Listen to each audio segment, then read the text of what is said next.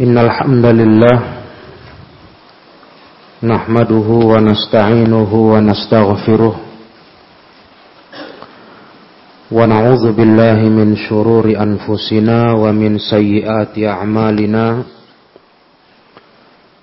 من يهده الله فلا مضل له ومن يضلل فلا هادي له أشهد أن لا إله إلا الله وحده لا شريك له واشهد ان محمدا عبده ورسوله يا ايها الذين امنوا اتقوا الله حق تقاته ولا تموتن الا وانتم مسلمون يا ايها الناس اتقوا ربكم الذي خلقكم من نفس واحده وخلق منها زوجها وبث منهما رجالا كثيرا ونساء واتقوا الله الذي تساءلون به والأرحام إن الله كان عليكم رقيبا يا أيها الذين آمنوا اتقوا الله وقولوا قولا سديدا يصلح لكم أعمالكم ويغفر لكم ذنوبكم ومن يطع الله ورسوله فقد فاز فوزا عظيما فإن أصدق الحديث كتاب الله وخير الهدى هدى محمد صلى الله عليه وسلم وشر الأمور محدثاتها فإن كل محدثة بدعة wa kulla bid'atin dhalalah wa kulla dhalalatin finnar. Amma ba'd. Kaum muslimin ma'asyiral ikhwah rahimakumullah. Malam ini Alhamdulillah kita akan menyelesaikan Kitabus Siyam babul i'tikaf.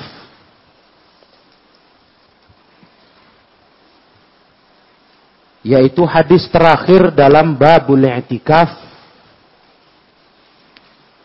yang sebagai penutup rangkaian hadis-hadis dalam kitabus siam.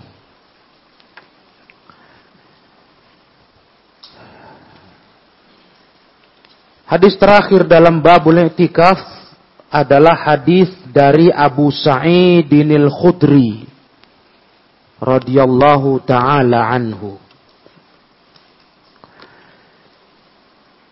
Qala beliau berkata, qala Rasulullah sallallahu alaihi wasallam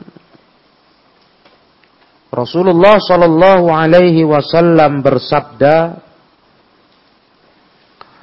"La tashuddur rihala illa ila salasati masajida.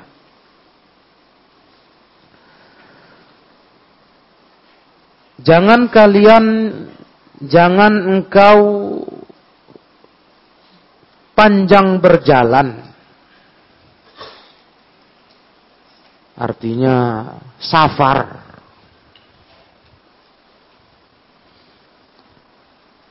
Kecuali ketiga masjid saja. Dilarang bersafar jauh, panjang berjalan. Tiga masjid itu adalah Al-Masjidil Harami. Yang pertama Masjidil Haram.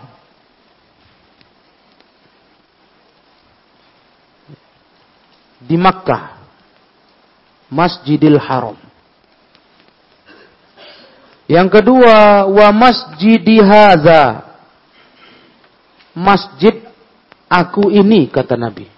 Masjidku ini, yakni Masjidun Nabawi di Madinah.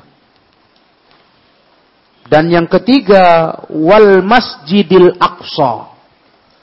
Masjidil Aqsa di Palestina. Hanya tiga masjid ini yang dikecualikan dari larangan Nabi. Nabi melarang. Jangan panjang berjalan kamu ketiga kecuali ketiga masjid. Jangan safar jauh. Kalau tujuannya ziarah. Hadis ini riwayat Bukhari Muslim.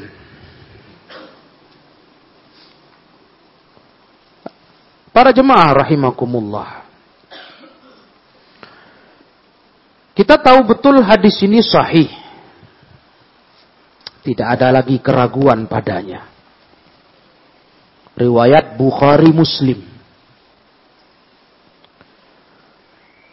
Yang mana hadis ini jelas-jelas berisikan larangan. Itu kalau diartikan la di sini la nahi. Karena la di sini ada dua pendapat di kalangan ulama. La yang pertama diartikan la nahi. Hmm. La nahi maknanya jangan, larangan. Yang kedua dimaknai dengan la nafi. La dalam arti tidak ada peniadaan. Begitu terjemahan dalam dua pengertian la di sini. Kalau diartikan la nahi, terjemahannya jangan. Tidak boleh, jangan. Larangan, nahi. Kalau diartikan la nafi, Maknanya peniadaan, tidak ada. Nah, di sini ada faidah para ekho yang mulia. Faedahnya apa para ekho yang mulia?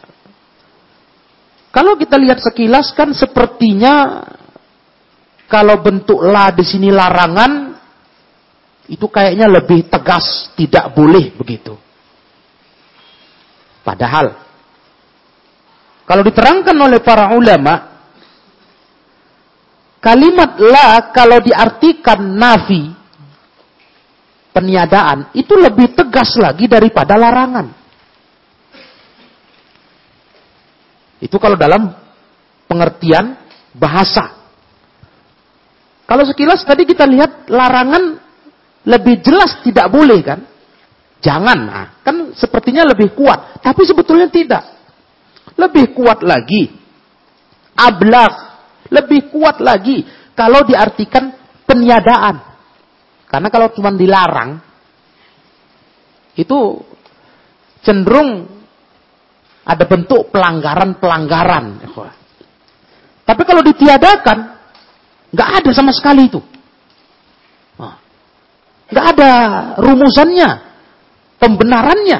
Nah, itu lebih kuat kata para ulama dan itu pendapat Al Imam At-Tabari. Nah, Al-Imam At-Tabari yang berpaham seperti itu. Peniadaan itu lebih kuat daripada bentuk larangan. Ya. Jadi ma'asyiral ikhwah yang dirahmati Allah, yang penting hadis ini walaupun ada dua pengertian la di sini.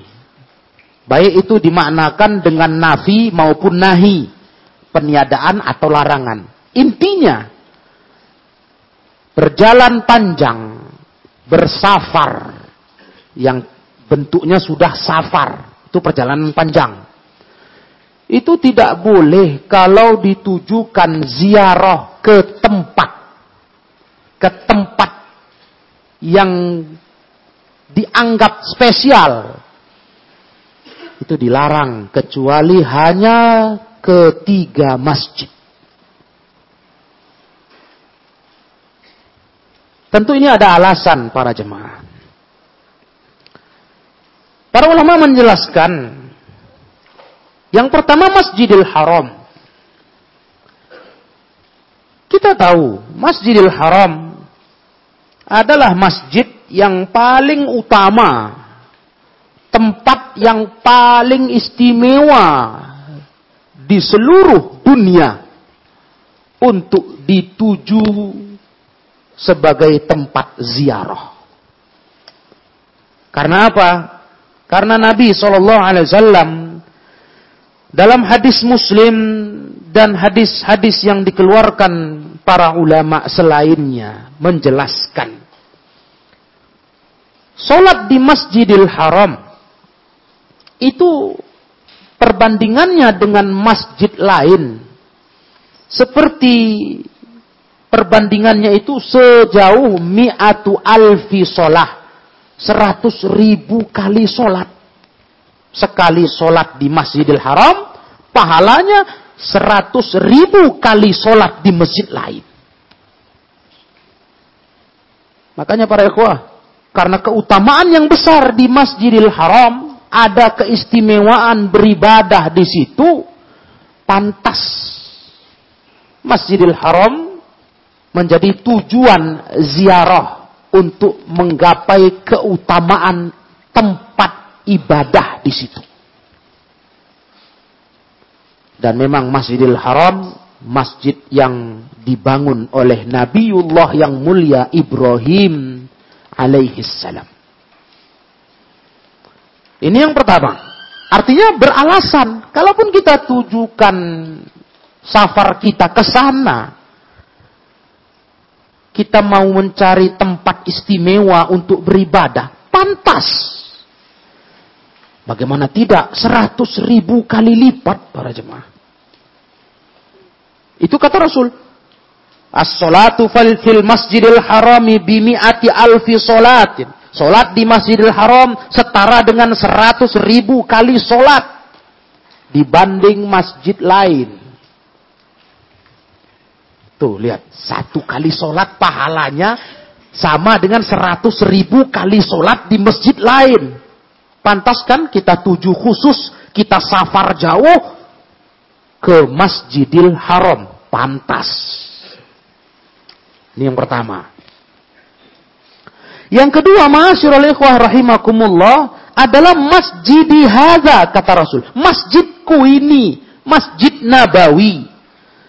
Rasulullah bersabda dari hadis Abu Hurairah, "Salatun fi masjidi khairun min alfi salatin fi ghairi minal masajid." Kenapa pantas kita berjalan jauh safar menuju Masjid Nabawi. Masjid yang dibangun oleh Nabi Shallallahu Alaihi Wasallam. Masjid yang dibangun di atas takwa. Karena solat di masjidku ini kata Nabi lebih baik dari seribu solat dibanding masjid lainnya. Tentu selain Masjidil Haram. Seribu kali solat. Kalau Masjidil Haram seratus ribu kali sholat. Pantas kan? Kalau kita tuju dalam safar jauh kita Masjid Nabawi. Dan ketika kita berangkat ke tanah suci, baik tujuan haji atau umroh, dua tempat mulia ini tentu tidak pernah luput dari para penziarah. Pas Bagaimana tidak dirindukan datang ke sana? Membayangkan besarnya pahala. Kalau bisa sholat di dua masjid ini. Artinya, sangat masuk di akal sekali. Kalau ada orang safar jauh, yang dituju keutamaan tempatnya seperti itu. Pantas. Nah, ini yang kedua, Masjid Nabawi. Dan yang ketiga Masjidil Aqsa. Masjidil Aqsa dibangun oleh Nabiullah Yakub.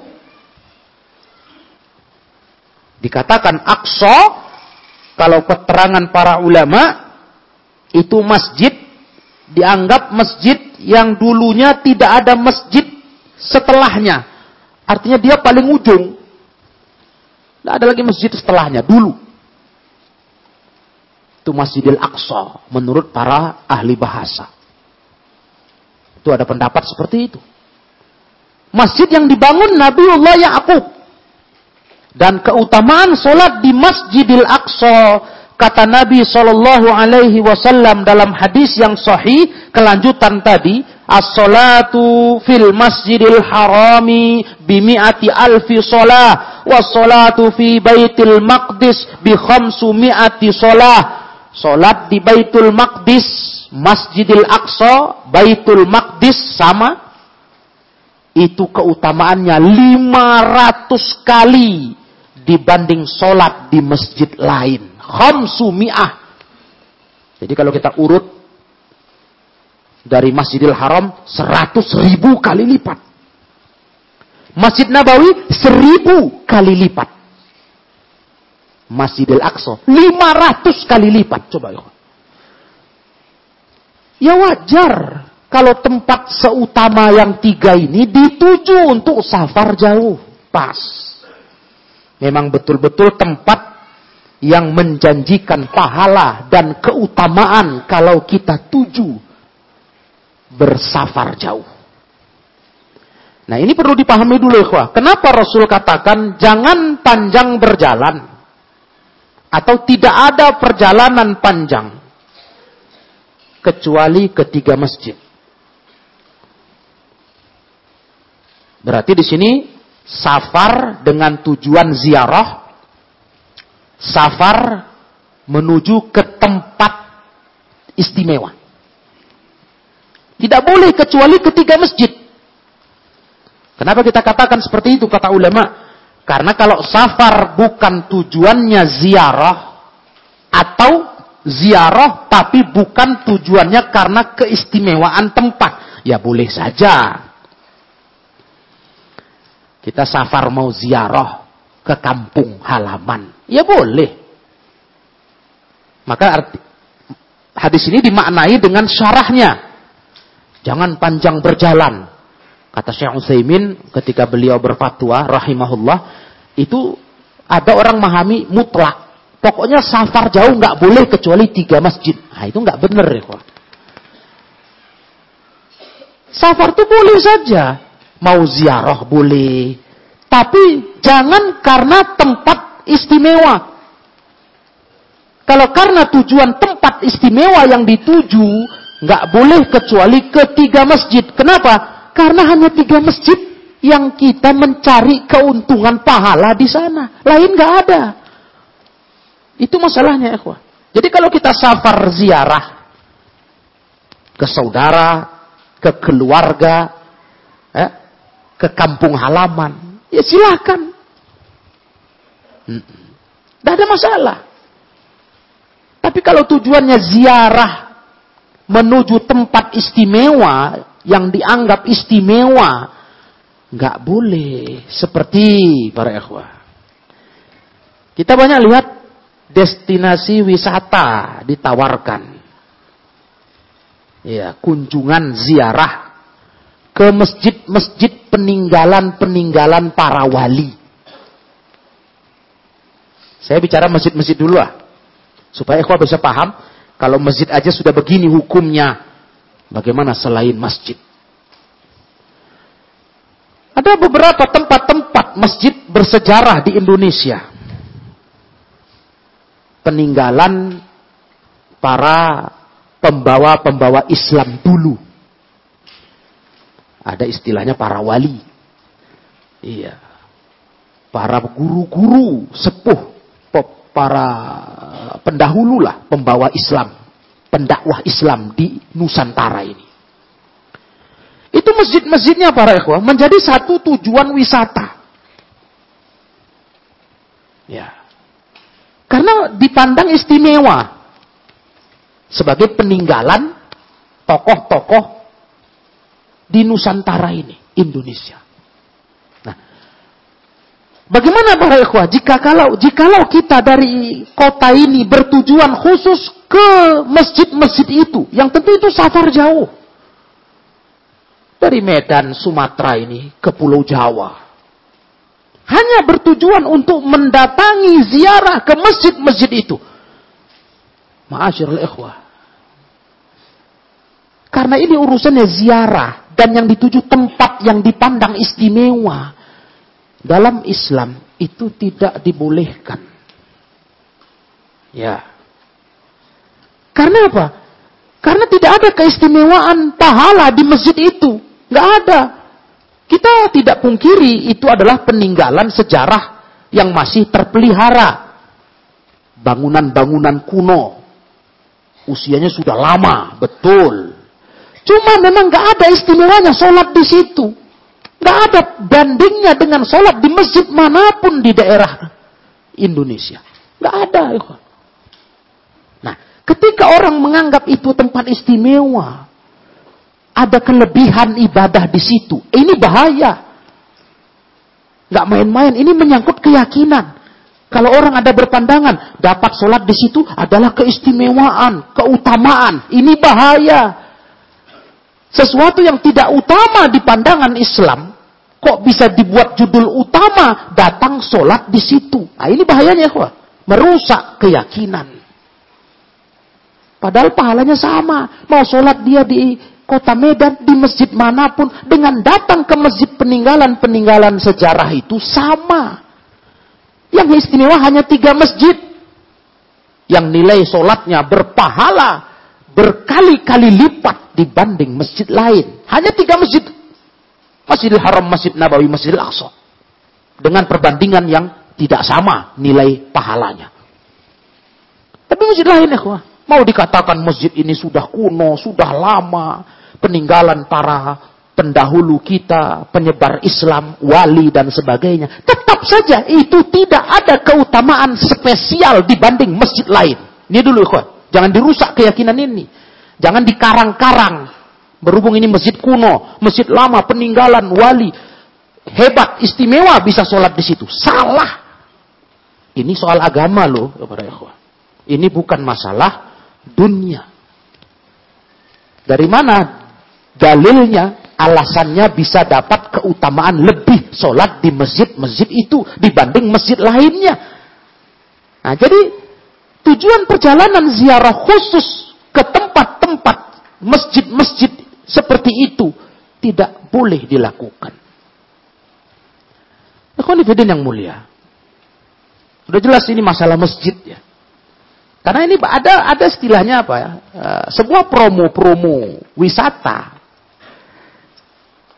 Ya, wisata rohani, islami, tur yang sifatnya mengajak kita berkunjung melihat masjid-masjid bersejarah. Para ikhwah, apa faedahnya dalam arti keutamaan apa didapat dengan membelanjakan harta yang lumayan untuk berjalan-jalan ke masjid-masjid itu? Itu kalau sekedar hanya dinilai dari sisi faidah harta yang dibelanjakan. Belum lagi masalah tadi, kerusakan keyakinan. Kalau dipandang itu ada istimewanya. Dan memang, wah, jujurlah. Ketika kita menggali lebih dalam seruan wisata itu, ada tujuan ke situ. Ada tujuan seperti istimewa. Beruntung kalilah bisa sholat di masjid-masjid itu. Dalam arti kata para ikhwah dianggap itu istimewa yang gak didapat di masjid lain. Ini salah. Mengistimewakan satu tempat itu bukan urusan manusia dalam sisi pahala ya. Kalau dari sisi istimewa dalam arti sejarah Indonesia terserah. Tapi dari sisi pahala, kalau diharapkan pahala, keutamaan, jangan, jangan dikarang. Ini urusan agama, hukum. Nah, di sini jadi ada kerusakan keyakinan di hati umat Islam. Karena sudah terpasang sesuatu yang tidak betul dianggap istimewa bisa datang ke masjid ini, masjid itu di Nusantara, masjid-masjid kuno bersejarah. Nggak ada, ya, nggak ada. Itu nggak ada apa-apanya dalam arti secara pahala ya. Tolong dibuang keyakinan itu. Nah, setelah ini jelas kaum muslimin yang dirahmati Allah tabaraka wa taala. Setelah ini jelas. Maka tentunya kata ulama dan ini yang difatwakan Syekh Al-Utsaimin, Syekh Al-Jibrin dalam fatwa-fatwa mereka. Tentunya lebih dilarang lagi kalaulah yang dituju itu adalah tempat-tempat yang diistimewakan, dianggap punya kelebihan selain masjid. Masjid saja, rumah Allah. Kalau sampai safar jauh, karena mengharap keistimewaan masjid itu didatangi, tidak boleh. Kecuali tiga masjid. Lah bagaimana tempat-tempat lain, Tempat-tempat lain yang dipandang istimewa, dipandang punya kelebihan. Ada rasa ini tempat luar biasa. Nah, mungkin kalau bahasa-bahasa apa keumumannya ini tempat tempat yang keramat atau yang lainnya lah istilahnya sakral dan semisalnya. Tuhan yang mulia, masjid saja nggak boleh. Kita harapkan keistimewaan di situ, kita safar ke situ yang tidak ada diistimewakan Islam dibanding masjid lain. Bagaimana dengan tempat? Contoh apa ikhwah? Yang sangat tegas sekali para ulama salaf sampai ulama khalaf. Ulama-ulama belakang hari ini dalam fatwa-fatwa mereka menegaskan larangan safar ke tempat-tempat yang dikeramatkan, diagungkan seperti kuburan-kuburan. Ada juga ikhwah perjalanan tur wisata islami ziarah kubur.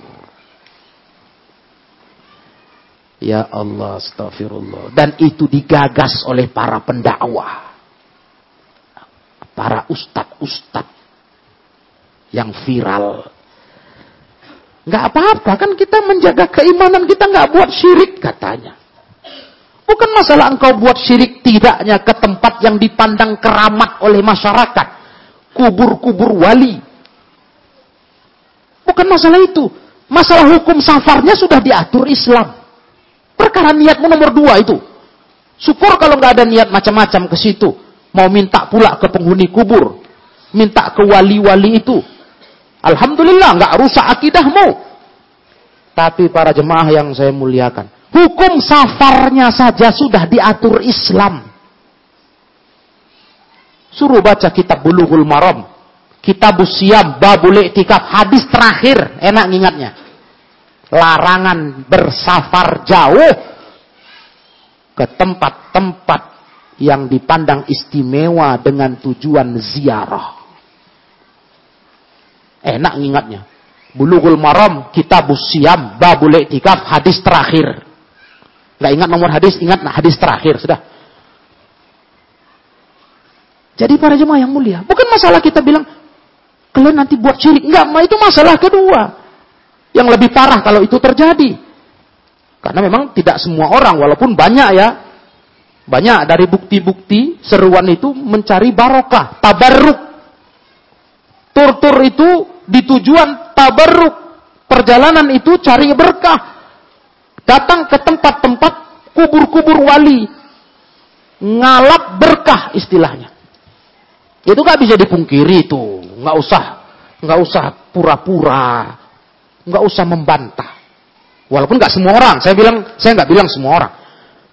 Tapi keumuman yang kita tahu, ketika digerakkan masyarakat ziarah ke tempat-tempat seperti itu, kubur-kubur keramat itu, kubur wali katanya, kubur-kubur orang solih, itu rata-rata mengharap berkah. Dan kebanyakan, ikhwah, saya nggak bilang semua, kebanyakan datang ke sana berdoa-doa di sisi kubur itu. Nggak jauh-jauh kita nggak usah dari Sumatera Medan sampai Pulau Jawa. Masih di kisaran Sumatera. Masa Eko nggak kenal salah satu tujuan banyak ziarah rombongan-rombongan pengajian. Bus berbus-bus dari Medan. Jangan nggak jauh-jauh ke Langkat Tanjung Pura. Pernah ikhwat tanya sama yang datang ke situ. Ke Besilam, pernah tanya. Ngapain kalian ziarah kubur ke sana? Tengok-tengok aja. Jujur saja ikhwah, ini akidah loh. Akidah Islam. Enggak, di sana dibimbing doa. Karena dekat sama makam orang soleh. Dan itu dibagi tiga oleh ulama. Yang paling parah berdoa kepada orang mati. Itu syirik. Berat itu. Hancur akidah. Meminta ke orang mati. Dipanggilnya. Wahai tuan guru. Ah, gitu. Tapi kalau mengharap berdoa ke Allah tapi dianggap lebih manjur, lebih berkah di sebelah kubur wali, nggak sampai syirik. nggak sampai syirik besar. Nah, dianggap lebih manjur, lebih mujarab. Berdoanya itu lebih didengar Allah karena sebelahnya kuburan orang soleh. Itu sudah amalan yang menyalah Islam. Apalagi sempat dia panggil, dia minta kepada orang soleh yang mati itu. Dia panggil tuan guru fulan, wali fulan. Dan rata-rata ikhwah, penziarah ke kubur-kubur keramat itulah pekerjaannya. Saya nggak bilang semua. Karena kita nggak pernah cek satu-satu. Nah, bagaimana ini? Kalaulah selamat akidah saja sudah melanggar aturan Islam dalam hal berjalan panjang safar ziarah. Bagaimana kalau di sana buat kesyirikan kepada Allah? Makanya kata Syekh Al-Jibrin dan Syekh Al-Utsaimin, kalau masalah mau berdoa untuk ahli kubur, di mana pun bisa. Kalau cerita ingat mati, di semua pekuburan pun bisa. Makanya bukan itu bukan ziarah biasa. Kalau sampai safar, keluar biaya besar, wisata, tuh rame-rame, itu nggak hanya sekedar tengok-tengok kata kita. Iya, mau tahu yang mana kuburan wali ini, wali itu. Dari wali-wali yang dalam uh, sejarah Indonesia katanya ada songo. Sembilan. Iya kan? Kita nggak mau panjang cerita masalah kebenaran cerita itu. Kalaupun benar para ikhwah rahimakumullah menurut katanya banyak uh, referensi yang menunjukkan bukti-bukti kebenarannya yang pasti para ikhwah. Kalau mau mendoakan para wali atau mau mengambil hikmah kematian, kata para ulama, kenapa enggak di kuburan dekat rumahmu? Rasulullah Sallallahu Alaihi menjadi contoh. Jangan lagi bilang ini paham kelompok. Contoh. Rasulullah Sallallahu Alaihi Nggak perlu mendatangi kuburan-kuburan pendahulunya para nabi. Cari di mana mereka dikuburkan di sekitar eh, Saudi Arabia. Beliau cukup tengah malam bangun, datang ke Baki. Baki, iya, sekarang sangat dekat sebelah Masjid Nabawi. Pekuburan Baki. Tengah malam ke situ Rasulullah ziarah kubur, ingat mati. Hmm. Hadis sahih yang sampai diikuti oleh Ummul Mukminin Aisyah. Tengah malam bangun kok nggak ada sang suami di sebelahnya. Jangan-jangan pindah kamar ini. Ke istri lain. Ditengok rupanya Rasul kebaki. Coba ikhwan. Adakah di kuburan baki itu orang-orang yang lebih istimewa dari Nabi? Itu dulu tuh. Kalau memang katanya kita mau ziarah tuh kalau mau doa di kuburan orang yang lebih istimewa dari kita. Tingkatnya lebih tinggi keimanan dan kedudukannya. Para wali. Siapa lebih utama dari Nabi? Di. Jangankan di Baki, di seluruh dunia. Nabi itu sayyidu waladi Adam. Tuan anak Adam. Wala fakhro. Tanpa sombong. Tapi Nabi datang ke Baki. Ziarah kubur berdoa untuk kaum muslimin mengingat mati di sana. Hmm. Kenapa kita repot-repot, ikhwah? Karena memang ada sesuatu yang harus di, diakui dengan jujur. Ada hal yang lain di situ. Yang tidak normal, tidak wajar. Tur-tur wisata ke tempat-tempat ziarah itu. Ada sesuatu yang lain. Itu tadi keyakinan yang batil. Dianggap itu keutamaan. Waduh, itu rombongan. Keluar biaya. Kalaupun nggak nggak biaya perorangan, ya pokoknya ada yang membiayai. Iya. Pokoknya ada. Keluar biaya lah yang jelas. Nah, walaupun para jemaah mungkin jemaahnya gratis, digratiskan. Tinggal naik bus. Tapi para ikhwah, perjalanan safar ke tempat-tempat keramat seperti itu, ma'asyiral muslimin, tidak boleh. Kalau tujuan ziarah. Apalagi kuburan. Kuburan Nabi saja, para jemaah rahimakumullah. Kuburan Nabi Shallallahu Alaihi Wasallam. Kalau kita dari luar negeri, luar negeri Saudi, Indonesia, mau berangkat ke Saudi Arabia, itu pun dilarang. Saya niat mau ke Saudi, mau ziarah kubur Nabi, itu dilarang. Jangan salah, itu dilarang. Tapi niatnya apa? Ziarah Masjid Nabawi. Itu yang betul. Nanti setibanya di Madinah, baru kita ziarah kubur Nabi. Hah. Begitu harusnya. Tidak boleh, ikhwah.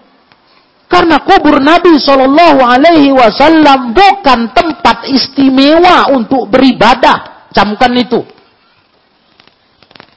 Malah dilarang. Nabi bersabda menjelang wafat. Iya. Kata Nabi SAW dalam hadis sahihnya, jangan kalian menjadikan kuburku masjid sebagai masjid. La tattakhidhu qabri masjidan. Jangan kalian menjadikan kuburanku sebagai masjid. Jangan jadikan sebagai masjid dalam arti tempat ibadah. Orang bilang sekarang, tapi sekarang kuburnya di, di Masjid Nabawi itu. Gimana itu? Saya sudah pernah jelaskan berapa kali, Eko. Sampai saya pernah buat satu tulisan. Itu kuburan Nabi, itu bukan di Masjid Nabawi. Itu di kamar Aisyah, istri beliau. Karena Rasulullah pernah bersabda, semua Nabi di mana meninggal, di situ dikubur. Nabi meninggal pas di kamar Aisyah kejadian meninggalnya. Dikuburlah di situ kamar Nabi, kamar Ummul Mukminin Aisyah itu di sebelah Masjid Nabawi. Baru di tahun sekitar 80-an Hijriah ada pelebaran Masjid Nabawi dimasukkanlah karena nggak mungkin tidak untuk pelebaran terpaksa kubur Nabi masuk areal masjid karena pelebaran Loh kenapa nggak dibongkar saja biar nggak masuk masjid? Mana mungkin kubur Nabi dibongkar? Haram. Nggak mungkin kubur Nabi dipindahkan. Nggak mungkin itu. Nah. Jadi para jangan katakan kubur Nabi itu kubur Nabi aja di, dikubur di Masjid Nabawi. Itu orang nggak tahu sejarah. Itu yang kadang merusak paham. Nah, Nabi sudah pernah berpesan dari Ummul ini Aisyah hadisnya karena beliau mendengar. Jangan kalian menjadikan kuburanku sebagai masjid. Laknatullah alil Yahudi wan Nasara ittakhadhu kubur anbiyahim masajida. Kata Rasul berikutnya. Laknat Allah atas Yahudi dan Nasara. Mereka menjadikan kuburan Nabi mereka jadi masjid. Umatku jangan begitu. Jadi para ekor yang mulia, saya sudah juga pernah jelaskan, makanya dalam rangka menjaga akidah umat. Supaya jangan ada orang menjadikan kubur Nabi menjadi masjid. Pemerintah Saudi Arabia memugar areal pekuburan dengan tembok yang tinggi. Tidak bisa lagi orang masuk mendekat ke situ. Iya. Dijaga untuk orang jangan buat sesuatu yang mengarah kepada kesyirikan. Dijaga terus oleh para petugas.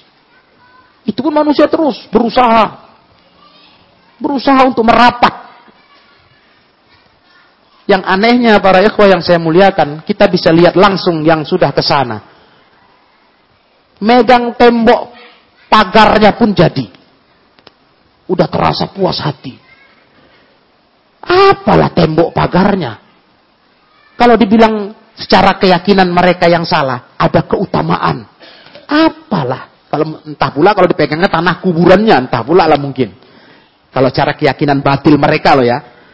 Nah tembok ini kan dibangun pemerintah untuk magar kubur. Jangan merapat masuk ke arealnya. Tapi Masya Allah, kalau dapat boleh itu dipeluknya, diusap-usap itu. Kain usapnya seumur hidup disimpan. Bayangkan itu. Kerusakan di otak manusia. Dunia ini yang kena, bukan cuma Indonesia.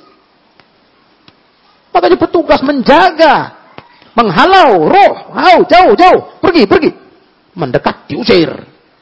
Itu pun ada yang maksa-maksa. Ya Allah. Sekedar tersentuh dikit pun, ah sudah syukur dia. Betul. Terpegangnya tembok tuh, tembok biasa kayak kita ini masjid itu pagar kita, dipegangnya dikit aja, udah dicium-ciumnya itu. Untung tangan, kalau nggak dipotongnya disimpannya. Biar jangan ada hilang bekas megangnya. Untung tangan. Nggak bisa kan? Kalau benda disimpannya, diusapnya pakai sorban, pakai sapu tangan, simpan seumur hidup dikenang. Ini masalah akidah, ikhwah. Maka safar ke Masjid Nabawi itu tujuan kita datang ke Masjidil Haram, Masjid Nabawi. Tujuan kita masjidnya. Adapun ziarahnya itu setelah tiba di Madinah kita datang berziarah ke kubur Nabi boleh. Jangan dibilang nggak boleh, boleh. Ziarah. Ziarah untuk apa? Untuk mengucapkan salam. Assalamualaikum ya Rasulullah. Assalamualaikum ya Abu Bakrin. Assalamualaikum ya Umar. Khalas. Lewat. Cukup. Salam. Nggak perlu berdoa. Ini jadi pandangan nih, tiap kita melihat masjid uh, kubur Nabi, areal kubur Nabi sebelah Raudhah, kita lihat terus pemandangan itu. Dan itu terus diusir. Jangan katakan, kenapa orang berdoa diusir? Ya Allah, ya Rabb. Kenapa berdoa ke arah kubur Nabi? Kalau sempat nggak ditegasi itu ikhwah, nggak nggak akan lewat orang jalan. Padat berdoa itu. Jalan menuju keluar itu kecil. Iya. Jadi nggak boleh berhenti di situ, parkir. Orang harus jalan. Kalau sempat dibiarkan doa nggak ditegasin, nggak lewat orang keluar. Bertegaan semua itu berdoa ke kubur Nabi nangis-nangis. Itu dijaga itu berjarak dengan tembok pembatasnya udah berjarak. Itu pun nangis-nangis. Ya Allah ya Rabb. Ngeri ya kok. Akidah, ini akidah. Mm -mm. Akidah yang mau Nabi jaga. Maka Nabi sebelum meninggal, wanti-wanti. Nah. La tattakhidhu qabri masjida. Dalam riwayat, la tattakhidhu qabri idan. Jangan jadikan tempat kumpul, tempat sholat, masjid, tidak boleh. Kita pun datang ke daerah wilayah areal kubur Nabi itu mengejarkan raudhah. Antara kamar Nabi dengan mimbar Nabi, antara itu ada raudhatun min riyadil jannah. Satu kebun dari kebun surga di dunia. Itu yang kita cari. Bisa sholat di situ, bisa doa, habis itu keluar. Pas keluar dari areal Raudhah kita menuju pintu keluar sebelah kiri kita kubur Nabi di dalam tembok tinggi itu ucapkan salam selesai. Itulah sunnahnya. Sedikit pun nggak ada tuntunan para jemaah yang mulia untuk kita minta-minta di sana. Berdoa-doa manggil Nabi apalagi. Ini haram. Ini masalah akidah Masalah akidah. Bukan khilafiyah fikih ya. Tolong kau pahami ya. Bukan khilafiyah fikih. Bukan ada satu madhab pun mengizinkan minta-minta di kubur Nabi. Tidak satu madhab pun dari empat madhab. Kita bicara yang berkelas sajalah. Jangan cerita. Tapi ada ulama, iya lah. Ulama syiah ada. Sufi ada. Ya bolehlah sama mereka. Itulah kerja mereka. Kalau cerita yang penting ada ulama juga kan. Iya ulama-ulama setan pun ada. Kadang manusia ini payah. Karena ada ulama katanya. Syiah lah. Syiah para ikhwah. Saking betul-betul melanggar aturan rambu Islam larangan ini. Mereka punya kekhususan. Bagi ikhwah yang sudah tahu. Dari keterangan ulama. Itu punya kekhususan. Mereka menyengaja grupnya udah diwanti-wanti itu, diingat-ingatkan. Kalau ke Masjid Nabawi, sholat itu cari arah yang mengarah kubur Nabi, sisi itu. Kalau kita kan bebas, di mana masuk pintu, di mana tempat duduk, kita duduk. Nggak peduli kita di depan kita itu apa. Yang penting kita duduk di Masjid Nabawi. Lah kalau mereka, ikhwah, ada arahan ngarah ke kubur Nabi, cari barisan ujungnya kubur Nabi. Coba. Itu syiah. Dianggap ada keistimewaan sholat menghadap kubur Nabi. Astagfirullah. Jadi jangan lagi berkata, kan ada ulama yang bolehkan. Janganlah. Ulama itu pewaris Nabi. Kalau betul mewarisi dari warisan Nabi, mereka mesti berbicara hukum itu seperti ini. Karena inilah warisan Nabi. Itu yang kita pandang. Bukan yang penting punya label ulama. Kalau ulama ya banyak. Diulamakan apalagi. Tapi ulama itu ya, Kalaupun yang betul-betul ulama, bukan diulamakan. Kalau diulamakan lebih parah. Kalau betul ulama, itu pun masih dibagi. Jangan lupa ada ulama usu. Ulama jahat, kata para ulama kita. Kalau istilah hadis, da'in ila abwabi jahannam. Ada da'i-da'i penyeru ke pintu jahannam, bukan ke pintu surga. Da'in ila abwabi jahannam. Dia da'i, dakwah kerjanya, tapi ke pintu jahannam. Jangan salah. A'immah al-mudillun, tokoh-tokoh penyesat. Dia tokoh, tapi penyesat, kata Rasul. Jadi jangan lagi kita beragama ini, jangan lagi berdalih. Yang penting ada pendapat ya. Udah berulang kali saya ingatkan ke ikhwah. Ini nggak serius beragama. Itu cari selamat aja. itu Istilah bahasa cari selamat. Karena kalau cerita kita yang penting ada pendapat, ikhwah. Ya ada saja. Karena ulama sesat pun banyak. Iya. Ulama sesat banyak. Yang liberal pun banyak kan? Macam mana kalau kau mengambil pendapat orang yang dikatakan ulama dan dia paham liberal? Hancurlah kita. Semua agama sama, pendapat juga itu. Semua baik, pendapat juga itu. Tokoh, iya, tapi liberal. Nah, jadi ini khwanifidin yang saya muliakan. Alangkah berbahayanya kalau seperti ini pemahaman kita beragama. Maka ziarah, kembali kepada ziarah. Kalau kita jalan safar jauh, maka janganlah niatkan untuk tempat istimewa dengan tujuan ziarah. Jangan. Kecuali hanya ketiga masjid. Yang tiga masjid ini beralasan kalaupun kita berziarah ke sana untuk mendapatkan keutamaan di tempat itu. Memang utama betul. Makanya kalau datang ke Masjidil Haram, ikhwah, umroh, haji, Jangan sampailah. Kecuali betul-betul ada uzur yang sangat-sangat menghalangi. Jangan sampai absen dari sholat di Masjidil Haram. Lagi berada di Mekah. Kecuali memang uzur yang sangat menghalangi. Umpamanya faktor kesehatan. Mungkin kita sudah berusia. Ada himbauan dari pemerintah. Dari e, lembaga penyelenggara haji dari pemerintah menghimbau menjelang hari hanya haji wukuf Arafah bagi jemaah haji yang kurang sehat atau sudah berusia lanjut ya banyak istirahat supaya di puncak amalan haji nanti nggak tumbang nggak jatuh sakit. Dan itu dia dihimbau untuk sholat aja di hotel. Kalau yang bagi memang sudah berusia, maklum lah ya Ya, karena memang itu kan manusia padat-padatnya. Tidak tempat yang lapang, penuh perjuangan itu. Mungkin yang tua-tua dikhawatirkan keletihan. Ini saya luruskan juga supaya tidak hanya menyalahkan saja imbauan itu. Karena ada juga yang menyalahkan mutlak. Apa itu? Ajakan, ajakan apa itu? Menyesatkan katanya. Rugilah kita nggak sholat masjid haram. Iya, tengoklah dulu siapa yang di, dihimbau itu. Yang dihimbau itu para ekor yang mulia, nggak semua jamaah. Ya. Kecuali dihimbau semua jamaah, semua kloter. Ya, tentu kita nggak mau dengar. Kita yang masih muda segar. Iya. Rugilah para ikhwah. Yang sehat walafiat. Rugilah kita satu kali sholat seratus ribu kali lipat. Lewat. Hah? Sholat di hotel, di gang-gang hotel. Bayangin kok. Betul itu. Tiap menjelang mau hari besar, hari raya haji. Wukuf Arafah. Itu sudah mayoritas jamaah. Sholatnya di gang-gang hotel. Berjamaah.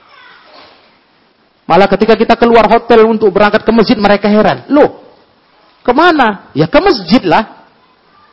Nanti capek loh, bis. Ini dua hari, empat hari lagi mau wukuf. Masya Allah. Ya bapak yang mungkin begitu, udah tua. Lah kami masih muda.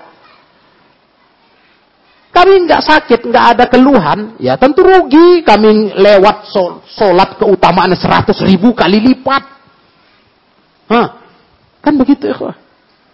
Nah sehingga kalau bukan uzur yang betul syar'i, nah, tentunya kita tidak mau luput. Ya, kita berjuang Ketika berada di Masjid Nabawi, eh, di Masjidil Haram Mekah, kita berusaha tiap waktu sholat, sholat ke Masjidil Haram, Masjidil Haram. Nah, itu juga para ikhwan yang mulia. Salah satu yang harus diwanti-wanti bagi mereka jemaah umroh. Ya, kalau nanti umroh udah dibuka lagi ya. Karena keputusan pemerintah Saudi terbaru. Mulai diberlakukan bulan ini. Sampai waktu yang belum ditentukan kembali dilarang 20 negara masuk ke Saudi Arabia, termasuk Indonesia. Maka seluruh aktivitas kemungkinan berumroh di tahun 2021 ini sementara tidak ada harapan. Termasuk Indonesia yang dilarang sementara waktu masuk ke Saudi Arabia. Kalau nanti sudah dibuka lagi, kok, satu hal yang perlu saya ingatkan terkait dengan keutamaan Masjidil Haram, Masjid Nabawi. Kalau berumroh ada jadwal tur keliling melihat tempat-tempat bersejarah di Madinah, di Mekah. Ingatkan kepada yang membawa kita berjalan. Waktu diatur untuk bisa balik ke hotel sebelum masuk waktu sholat. Ya. Harus begitu ya, Ingatkan, jangan sampai lewat. Nah, keasikan jalan-jalan, tengok sana, tengok sini, foto sana, foto sini. Akhirnya sholat lewat satu waktu. Zuhur misalnya, lewat. Ya Allah. Mungkin biasa saja dia kalau di Indonesia. Di sana rugi lah ikhwah. Satu waktu sama dengan seratus ribu kali lipat di Masjidil Haram dibanding masjid lain. Seribu kali lipat di Masjid Nabawi. Coba, lewat gara-gara cuman jalan-jalan tengok sana, tengok sini. Mengenal masjid ini, masjid itu, masjid-masjid di, di Madinah. Iya. Mes, atau daerah Mekah, melihat gunung Uhud dan sebagainya. Aduh, para ekor yang, yang dimuliakan Allah. Silahkan mau jalan-jalan, tapi kita minta waktu sholat, kita usahakan, kita rencanakan, atur waktu sudah pulang lagi ke masjid Nabawi atau Masjidil Haram. Kalau ternyata pembawa tur wisata berkata, nggak mungkin, pilih nggak usah ikut. Nah, kenapa ya? Kalau sholatnya nggak bisa kita tengok di YouTube, Nggak bisa dapat nengok sholat di Masjidil Haram, dapat 100 ribu kali lipat. Nggak bisa. Kalau cuma tempat wisata, tengok aja di internet, tahu itu. Nggak jadi kita datang ke tempat itu. Macam mana tempat itu? Buka gambarnya. Ah, ini dia. Sudah, udah nengok aku sudah. Sholat mana bisa? Antum tengok ber, berpuluh, berjuta kali nggak dapat. Satu kali sholat 100 ribu kali lipat. Nggak dapat. Kalau cuma pemandangannya, tengok masjid ini, masjid ini, masjid itu, gunung ini, gunung itu, gua ini, gua itu. Tengokkan di HPmu dapat ikhwah. Dapat gambar. Oh ini, gua Hiro tuh ini udah selesai. Nah, saya katakan, saya selalu bimbing, begitu saya perintahkan. Kalau nggak mungkin balik di waktu sholat, batalkan. Dan alhamdulillah bisa. Ditertibkanlah jamaah untuk berangkatnya diatur waktu di tempat kunjungan sekian menit masuk bus jalan lagi supaya bisa balik ke areal masjid untuk sholat jamaah di waktu sholatnya bisa walaupun banyak yang lewat lebih mengutamakan jalan-jalan ini faedah tambahan kepada ikhwah yang saya muliakan ketika sudah umroh dibuka lagi bagi yang berangkat umroh perhatikan itu Jangan mau terlewatkan sholat di Masjid Nabawi, Masjidil Haram. Sekalipun jangan mau. Karena rugi. Rugi besar. Keutamaan yang tidak kita dapatkan di masjid mana pun. Sekali sholat seratus ribu kali lipat. Kita sholat di masjid lain. Seperti masjid di Indonesia ini. Seratus ribu kali baru kayak sekali sholat di Masjidil Haram. Di Masjid Nabawi seribu kali. Subhanallah. Maka ikhwanifiddin yang mulia. Itulah tujuan kita. Maka jangan panjang berjalan kata Nabi kepada tempat buk'ah. Istilah bahasa Arab buk'ah. Kepada buk'ah min baqail ardi. Dari tempat-tempat di bumi ini jangan pernah jalan safar. Untuk tempat istimewa yang dituju ziarah judulnya kecuali ketiga masjid. Ya. Tapi kalau ziarah nggak tujuan tempat istimewa, tempat yang dipandang hebat, ya seperti ziarah tadi sudah saya jelaskan ya, ziarah ke rumah saudara, safar jauh ke kampung halaman, ke tempat famili, ya silahkan saja.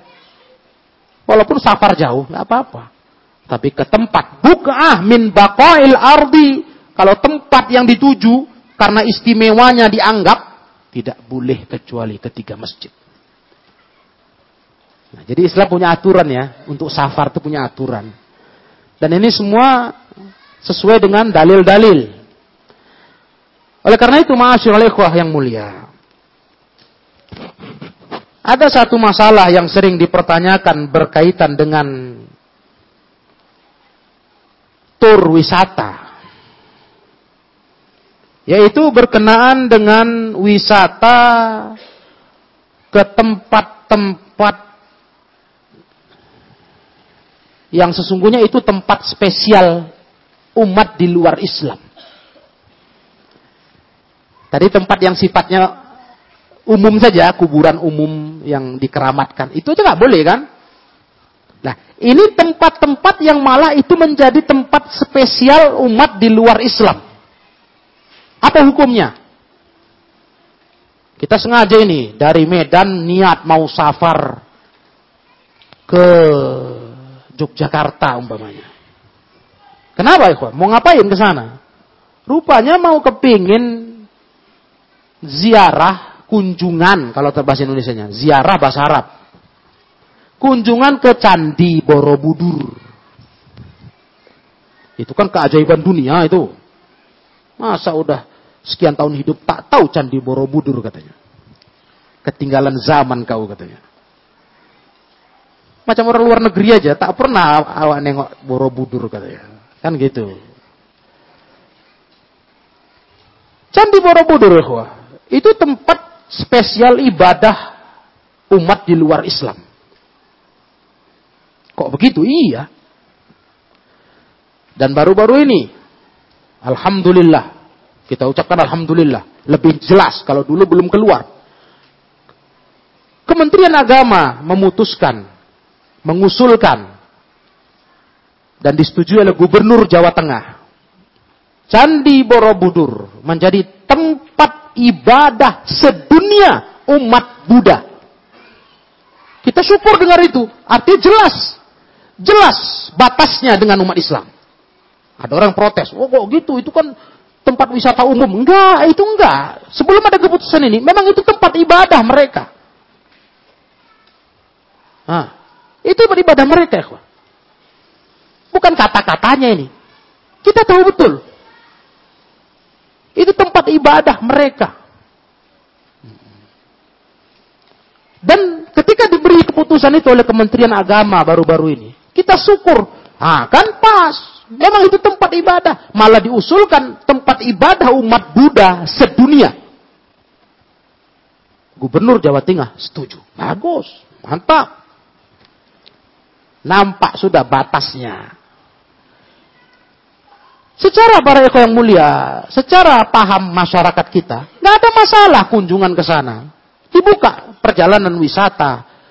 Nah, yang mau pakai berapa hari, kunjungan ke sana. Apakah ke Candi Borobudur? Hah? Yang berada di daerah Magelang. Ya. Muntilan. Ya saya tahu. Nah, saya tinggal di seberang jalannya Borobudur. Dua tahun, kurang lebih. Mimpin pesantren di sana. Tapi saya nggak pernah sekalipun ke Borobudur. Bukan nggak kepengen, kepengen, pengen tahu, tapi dilarang agama. Ya sudah, nggak boleh. Lah bagaimana dari Medan mau safar ke sana?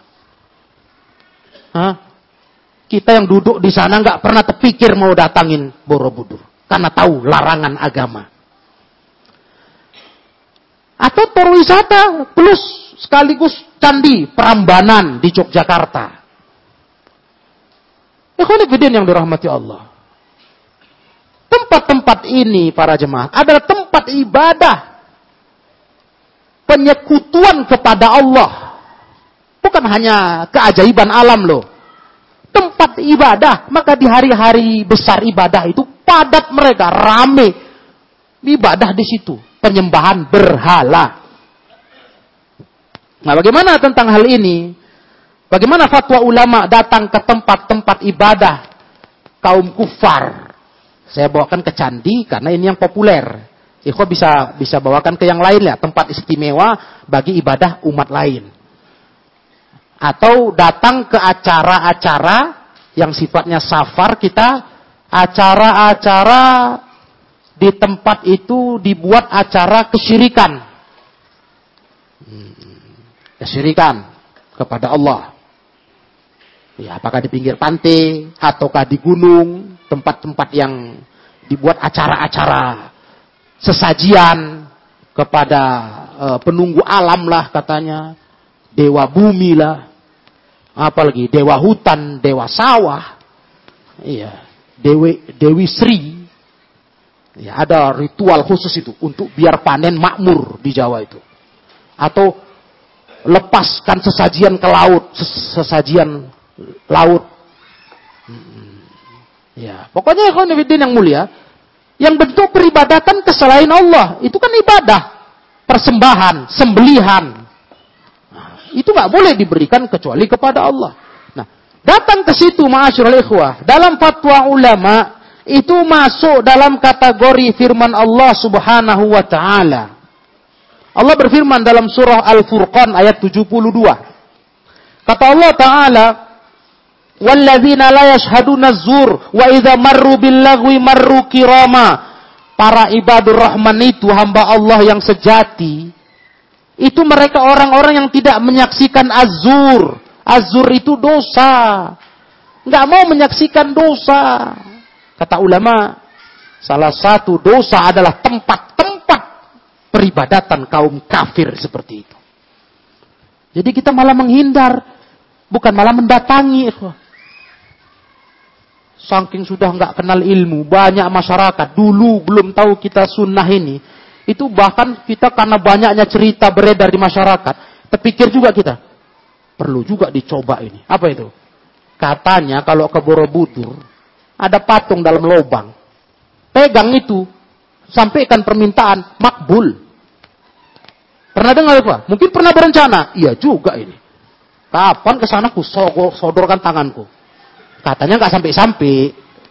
Kalau sampai makbul doa itu. Coba bayangkan. Orang Islam disuruh begitu. Coba apa? Coba bayangkan itu dulu.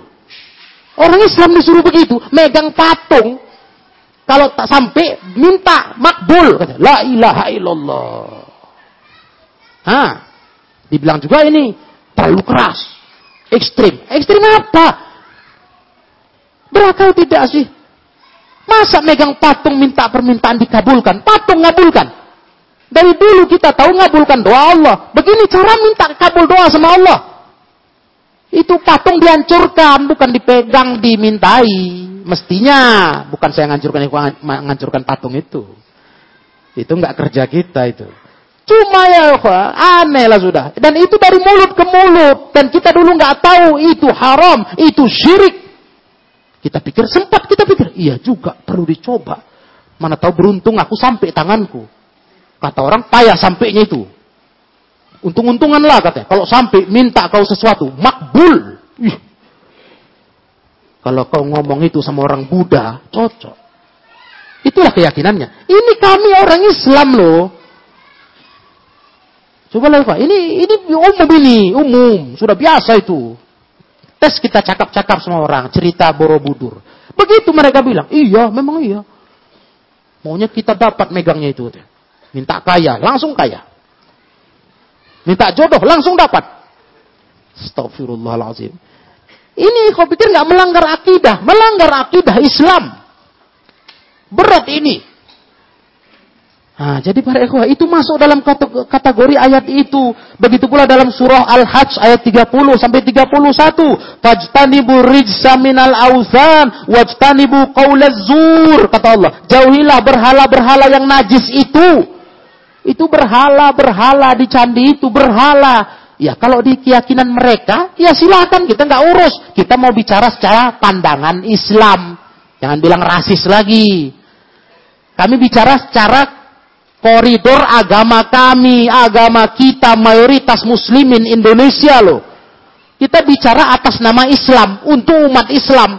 Bukan ngurusin agama orang yang menyembah berhala. Terserah mereka. Jadi jangan-jangan bilang ini kajian rasisme. Wah, ini intoleran. Enggak. Kita bicara secara hukum agama kita. Ini dilarang.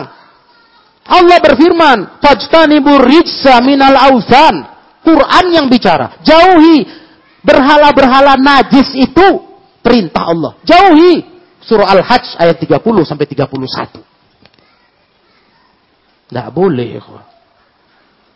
Nah, jadi ini ilmu. Safar itu ada ilmunya. Setelah ini kita tahu, tentunya kita nggak punya rencana-rencana ke arah itu.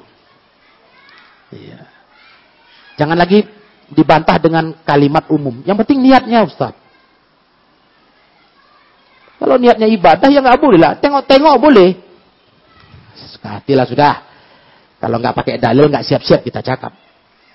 Nggak siap-siap kita dialog. Ini ayat ini bagaimana ini? Fajtanibu jauhi.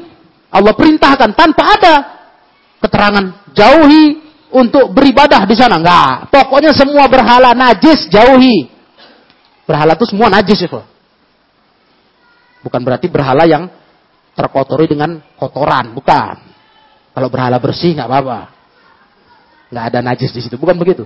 Itu maksudnya arijsa minal ausan. Berhala itu najis semua berhala. Iya. Jauhi, kata Allah jauhi, jangan dekat-dekat. Jangan malah dituju wisata di sana. Bangga pula itu. Biar ada bukti udah ke Borobudur, ceprat-ceprat foto. Pernah ke Borobudur. Masya Allah. Hebat. Kau nggak pernah kan? Aku pernah. Nah, penuh foto di candi. Wah. Ya, ikhwah, nggak boleh. Jadi inilah ilmu kita yang saya katakan di kajian malam Jumat lalu tambahannya. Satu hadis ini ada tambahannya. Itulah hukum tambahan yang saya maksudkan. Agar kita berilmu. Ya.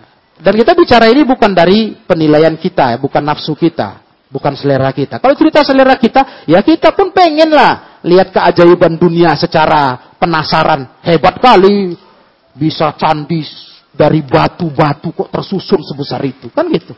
Secara secara selera mau tahu menengok langsung, cuma ada larangan agama. Itu tempat ibadah mereka, bukan hanya tempat umum. Tempat umum sih boleh. Tapi tidak itu tempat ibadah dan alhamdulillah tadi pemerintah kita mau meresmikan dengan usul Kementerian Agama. Itu jadi resmi tempat ibadah umat Buddha sedunia. Ah, biar jelas lagi, apa lagi? Jangan lagi ada bilang macam-macam. Nah, itu mau diresmikan itu. Ya syukur, biar jelas pembatas antara umat Islam dengan mereka. Dan kita bicara ini untuk umat Islam. Secara hukum Islam. Kita bukan mau mengutip ibadah mereka itu ya bagi mereka agama mereka. Orang Buddha ibadah di situ hari raya ya silahkan. Silahkan. Nah itulah betul namanya yang betul itu saling pengertian. Bineka tunggal ika itu begitu. Agama kalian, agama kalian lah. Kecuali kami rusuhi.